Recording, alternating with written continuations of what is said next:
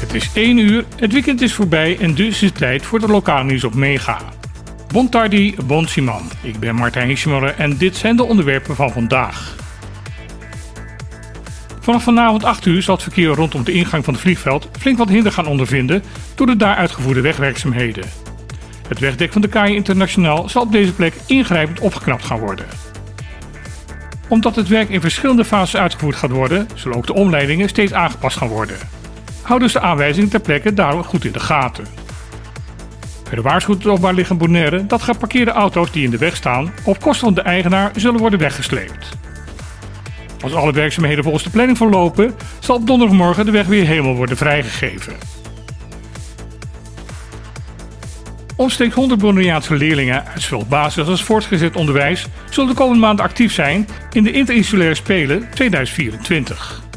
Dit toernooi zal op de drie ABC-eilanden gaan plaatsvinden. Eind deze week wordt afgetrapt op Aruba.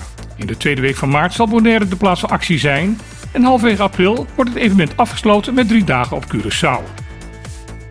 Het aanbod van sport is zeer gevarieerd. Voetbal, softbal, basketbal, trefbal, atletiek, volleybal, maar ook schaken en dammen. Er wordt gestreden in schoolteams waarbij steeds verschillende lokale eilandskampioenen het tegen elkaar opnemen. Het gedeelte op Bonaire gaat georganiseerd worden door Indebon in samenwerking met de deelnemende scholen. Bonaire zal de komende weken zonder politieke persconferenties en eilandraadvergaderingen moeten doen. Vrijwel alle kopstukken van het Bonaireaanse politieke leven zullen namelijk de komende tijd in Europees Nederland verblijven.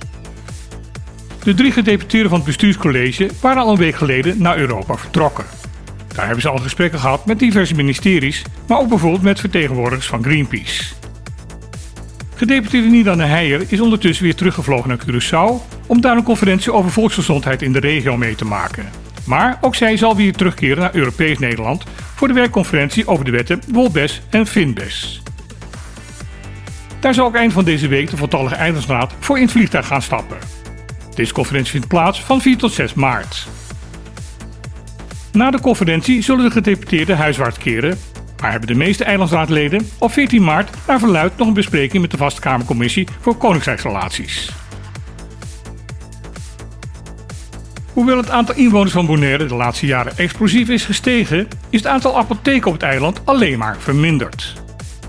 Nu bekend geworden is dat de laatste onafhankelijke apotheek op het eiland, Botica Sabana, per 1 mei de deuren zal gaan sluiten, heeft Bonaire vanaf die datum nog maar één organisatie die voor alle medicijnen voor de bewoners moet gaan zorgen.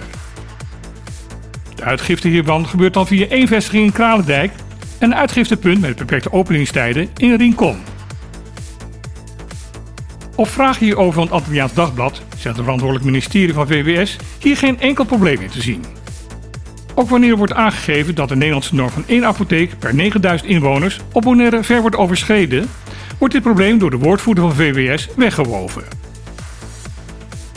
Dat wegwijven geldt trouwens voor de meest gegeven antwoorden. Zo is het antwoord waarom een kant-en-klare vestiging van de serviceapotheek in Hato geen zorgcontract krijgt, dat de procedure hiervoor nog gaande is. De reactie vanuit de directie van de serviceapotheek hierop is dat de organisatie al jaar lang op geen enkele vraag antwoord vanuit het ministerie heeft gekregen. Dit was weer het lokaal nieuws van vandaag op Mega. Ik wens iedereen een dag toe met bevredigende antwoorden en dan heel graag weer. Tot morgen!